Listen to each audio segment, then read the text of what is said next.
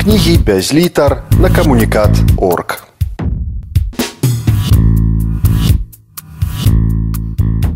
Андрей Хаданович, вершы.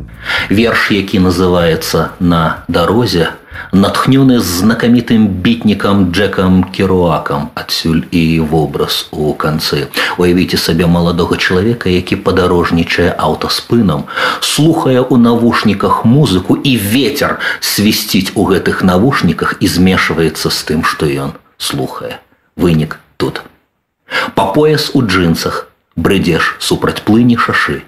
Твае непужаныя думкі, як іншаходцы ў прэрыі, істэрія з кавышы, як госці на свяце душы, новай ранжыроўкай гудуць у плееры. А блокі ў гары няспынныя як аўто. Між пятым і 35 агораным кіламетрам не спыніш нікога і цябе не спыніць ніхто. І першы сустрэчны акажацца проста ветрам. Будуеш замкі з паветра, і першы блін выходзіць нечым сярэднім між бібліятэкай і вежай. На гэтым свеце так много кніг і цаглін, а ты з усіх акадэмій не скончыў нават мядзведжай, і можна згубіцца ў трох дарожных слупох. І ў думках так ціха чуваць, як робіцца муха слоном. І ты так доўга ў дарозе, што Бог здаецца сузор'ем вялікага віні пуха. Наступны тэкст называется балада пра 38 тралейбус. Ён аўтабіяграфічны і менскі. Побач са мною канцавы прыпынак славінскага у нейкі момант увялі новыя Тралейбусы і а яны падсвечаныя як маленькія самалёты з нізу і неяк зранку яшчэ ў зімовай э, цемры я пабачыў як такі тралейбус выязджае на э, трасу і мне гэта ўсё падалося аэрадромам далейшыя фантазіі відавочныя. Балада пра 38 тралейбус. 38 тралейбус запальвае свае бартавыя агні няма чаго болей рабіць на прыпынку лепей на вышыні палёты ўзімку ніколі ясна і крумкачу Але ў кіроўцы тралейбуса калядныя зоры ўваччу, надвор'е шэпча нелётнае і праўды няма ў крыле. І светлафор заікаецца на чырвоным святле. Чырвоная маска смерці сказаў бы тут Эдгар По, Але 38 тралейбус не пойдзе сёння ў дэпо. У сведкаў пад шапкай зімовай дыба ўстаюць валасы, калі 38 ад ледзяной адрываецца паласы, як ад вальцу галовы кружацца ў пасажыраў ды іхных дам.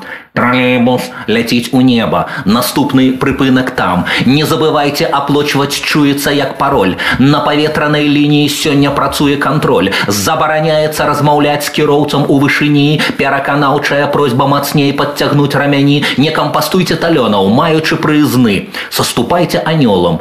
Сталага веку інакш саступяць яны. Бізнес-кляса для пасажыраў з дзецьмі ды інвалі болей абвестак з неба не чуваць на зямлі. Тралейбус ляціць уверсе, унізе плыве яго тень. Нябесны дыспетчер стаміўся лічыць 38 тралейбус за дзень.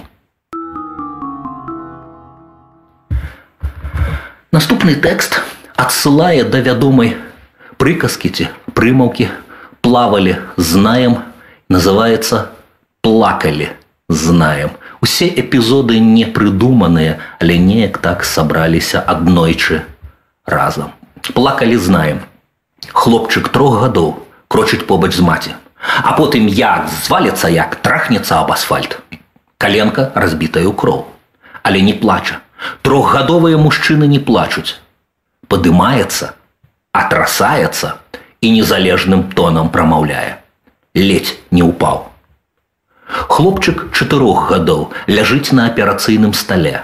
І вось-вось заплача, бо які ён ужо мужчына, калі цёця доктар корпаецца чымсьці з жалезным яму ў пісе. Дзякуй, хоць бацькоў не пусцілі. Хлопчык пяці гадоў дачакаўся смачнай перадачы ў свой загарадны туберкулёзны санаторый. І на радасцях з'еў яе ўсю. Вось толькі памыліўся шафаю, а потым дзяўчынка нешта шукала ў ёй, нічога не знайшла і заплакала і хлопчык з ёю за кампанію.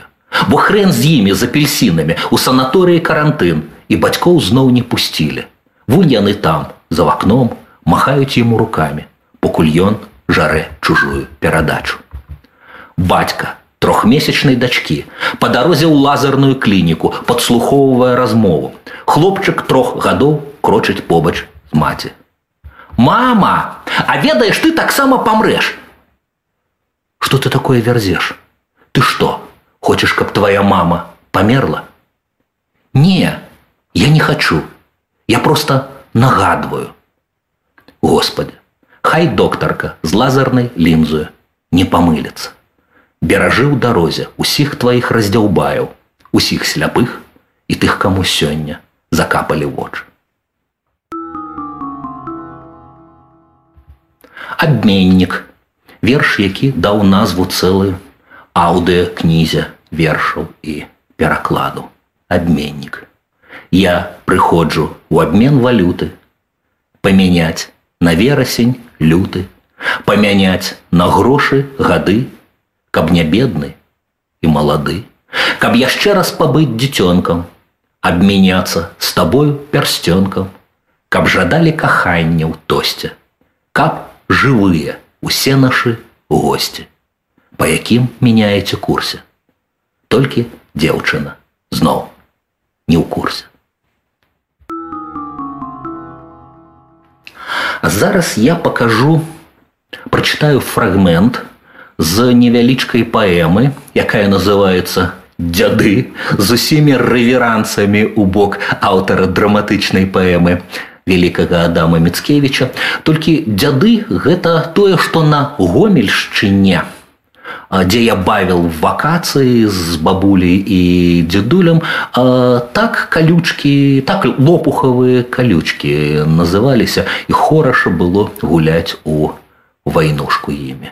Хай ва ўсім свеце гуляюцца ў вайнушку толькі так.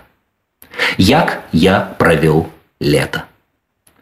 Першыя ўрокі мусоліш аловак і сцёрку. Тэма на досцы, пішы, як праводзіў ты лета. Пішуць казлы. Ты таксама хацеў бы пяцёрку. Толькі пра што тут казаць? Як раскажаш пра гэта? Як ты глядзеў тэлевізор тайком ад бабулі, над галавою імгнення лятуць нібы кулі, ледзь нашы гол у адказ забіваюць шатландцам, бабця ў адказ прабівае па задніцы сланцам як ты з набітых кашоў выкідаеш лісічкі. Месца няма ўжо, а баравікоў усё болей, як літаральна за тыдзень мяняюцца звычкі і геніяльна смакуе партвейн дядзі коле. Як па дарозе дамоў спатыкаўся бы чаплен, як пачатковец нудыст ледзь не змёрз у сажы, і каб сагрэцца, ударыла ў голаў мача блин, сена калгаснага стог падпаліў. Раскажы, як ты глядзеў у кіно чалавека амфібію, рот открываючы прагна спайманую рыбаю. Уражаны бацька назаўтра купіў табе ласты. Славік зайздросціў. Тапелец, а не вадаласты. Як з-за сажэўскага лесу дамоў на папутцы. Першы твой раз, як сказаў бы цяпер, аўтаспынам. Як ад дажджу у тэлефоннай хаваліся буцы з той, што пасля назаве цябе сучаным сынам. Дзе гэта ўсё? Аўтастанцыя, ціша, бязлюдна. Цераз пітомнік бабуля казала пітоўнік. Крочыш паволі. Змянілася ўсё абсалютна, толькі дзядоўнік, дзядоўнік, дзядоўнік, дзядоўнік.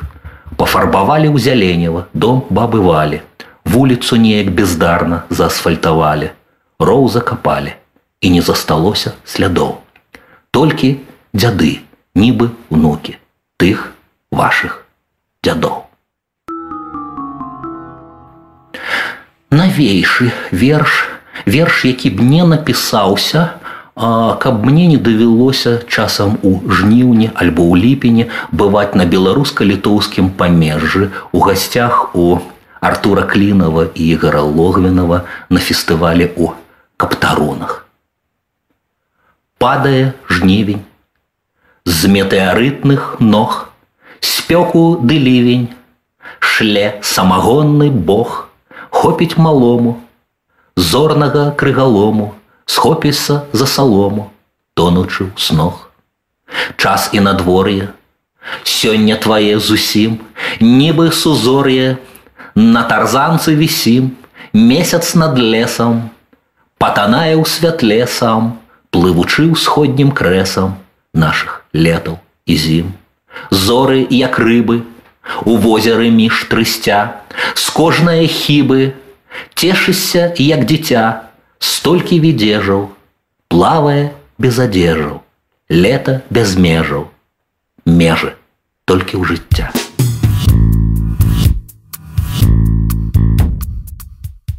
Вершы чытае Андрей Хаданович.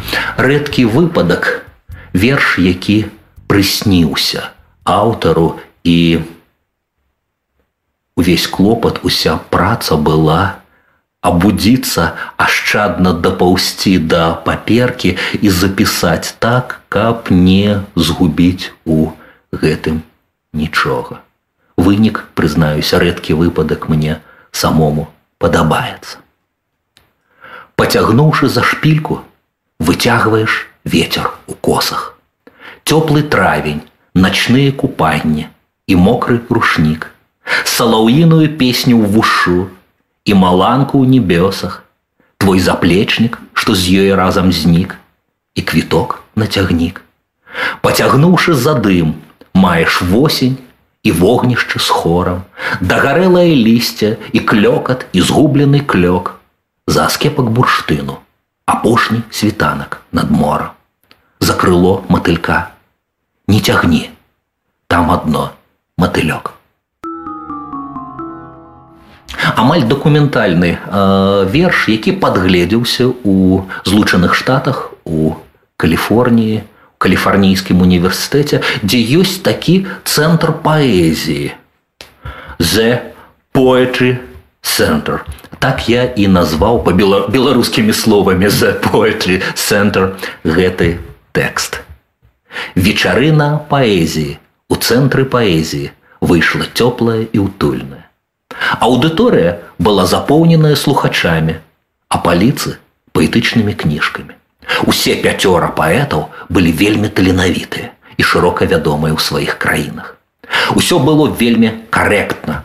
Лэдзі чытала першае, а чацвёра джентльменаў другімі. Лэдзі сказала, што яе вершы не перакладзеныя на ангельскую і прачытала кавалак з рамана. Першы джентльмен сказаў, што ягоныя вершы таксама не перакладзеныя на ангельскую і прачытаў апавяданне.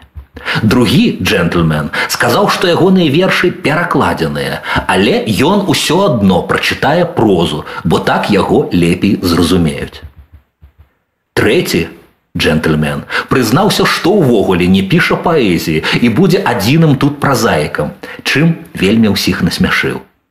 Толькі чацвёрты джентльмен прачытаў адзін верш у арыгінале і па-ангельску. Але кітайскі акцэнт быў такі, што мала хто адрозніў першае і другое. Мадэратар вельмі цешыўся і выказаў надзею, што паэзія і надалей будзе жыць і развівацца ў іхніх краінах на іхніх мовах. Я таксама парадаваўся і было ад чаго за ўсю вечарыну паэзіі у цэнтры паэзіі ніхто не пачуў ніводнага кепскага верша. Працягваю тэму зусім недаўні тэкст кароткі, але баюся, што так і ёсць. Сучасны верш. Не бяды, што сучасны верш такі, які ёсць, бо яго першыя чытачы перакладчыкі. І аўтар не хоча абразіць іх вершам, які нельга перакласць. Бяда, што сучасны верш такі, які ёсць, бо яго апошнія чытачы паэты. І аўтар не хоча абразіць іх вершам, які нельга напісаць.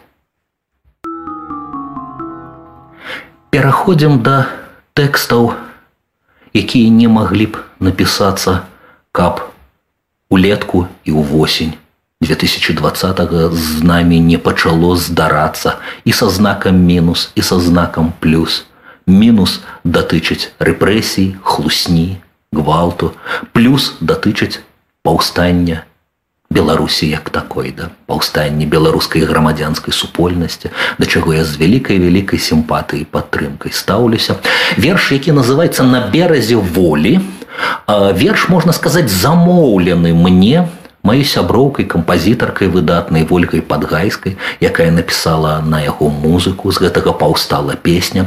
Песня якую вольны хор упершыню заспяваў 15 жніўня на ганачку на прыступку беларускай беларускай філармоніі у знак пратэсту. Разам з купалінкаю пагонію і іншымі выдатнымі беларускімі гімнамі на беразе волі. Лета на беразе волі, да ранку немного. Стужачка сонца, а потым яшчэ, яшчэ. Воля не ловіцца ў руки, разліку земнога. Хваля не ловіцца ў рэкі, бо сонцам цячэ. Хваля мацнее, і свет на вачах маладзее, Юны прачнуўся, і слёз не хавае стары. Сонца ўстае і прыходзіць у горад надзея. Дзень надыходзіць і страх пакідае двары. Двор упадае ў завулак, завулак у вуліцу, вуліца скверам, праспектам і плошчам нясе вестку, што самае чэрствае сэрца расчуліцца і ў немагчымую праўду паверыць усе. Сонца прыходзіць да ўсіх, не пакрыўдзіць ніводнага і ператворыцца кожны, каго не возьми, кволы, заплаканы раб у героя свабоднага. Людзі у народ, а народ застанецца людзьмі. Памяць герояў святлом ахінае нябёсы, сонечнай стужкай, гарачую сцежкай крыві. Скрадзены голас вяртаецца ў хор шматгалосы. Лета на беразе волі. Бяры і плыві 15 жніўня 2020. А зараз верш навагодні ці пераднавагодні верш які можа не напісаўся бы такі каб не адзін добры чалавек а менавіта Ганна хітрык выбітная беларуская акторка і спявачка якая зараз часова жыве ў Ізраіля яна напісала мне ліст і попрасіла нейкі навагодні тэкст з якога яна б магла зрабіць песню Да яе гонару трэба сказаць, што на стары новы год яна зрабіла з майго верша навагодняя паштоўка выбітную песню. Паслу... Пашукайце, знайдзіце, паслухайце. Будзем гатаваць на святы печыва. Рыхтаваць прэзенты і дары. Будзем жыць бясстрашна і бяспечна на сваёй зямлі гаспадары контрабанду деда Миколая на оленях привязуть тебе и запалить зорочка малая, елочку по схеме БЧБ. Наши зорки вернутся на сцену, удячную улюбёным голосам, бо свобода и любовь бесценны. Іншее накалядуешь сам вандраваць не толькі ў самалёце, не баяцца крокаў уначы, ва ўсю мощь не гнаць па галалёдзе, а на святы печыва печы. Лёс, як навагодняя паштоўка, што сястры на волю піша брат. Краты. Гэта толькі падрыхтоўка да жыцця, дзе не існуе. Крат. 29 снежня 2000 20. І скончыць гэтые чытанні хочацца тут, а записываем мы гэта ўсё у двары мілаша у амаль што музея у краснагрудзе дзе будучы нобелеўскі лаўрэат гасціў на вакацыях у 34 35 годзе я хочу прачытаць э, верш напісаны просто э, учора і натхнёны светлымі асобамі чэслава і яго дядзькі оскара мілаша такі сабе дыалог між польска-літоўскімі польскімі памежнымі сейнамі і краснагрудай і беларускай чарэі адкуль паходзіць оскар мілаш у чарэі вечарэе ноч над сейнамі устае вершы мілашаў андрэю будуць сніцца як свае над царквою белай ветах стаў як вартавы уначы ходзяць вершы па сусветах і спяваюць ідучы просто з возера сузор'і у два каўшы пілі святло памянялася надвор'е і сузор'е замяло кніга снегу і заечы след як дарчы надпіс там дятел трохі недарэчы грукае а напіс там не пытайся дзе і хто ты бо ў нябёсах не да нас просто ў белыя сумёты з неба выпадае час помніш у гародні льдзіны пачынаўся крыгаход напісаў за паўгадзіны а мінула двадцать год глуха людзі у краснагрудзе і ў чарэе ні душы іншых мілашаў не будзе прачынайся і пішы 19 студзеня 2021 краснагрода вершы чытаў Андрей хаданович кнігі без літар на камунікат орг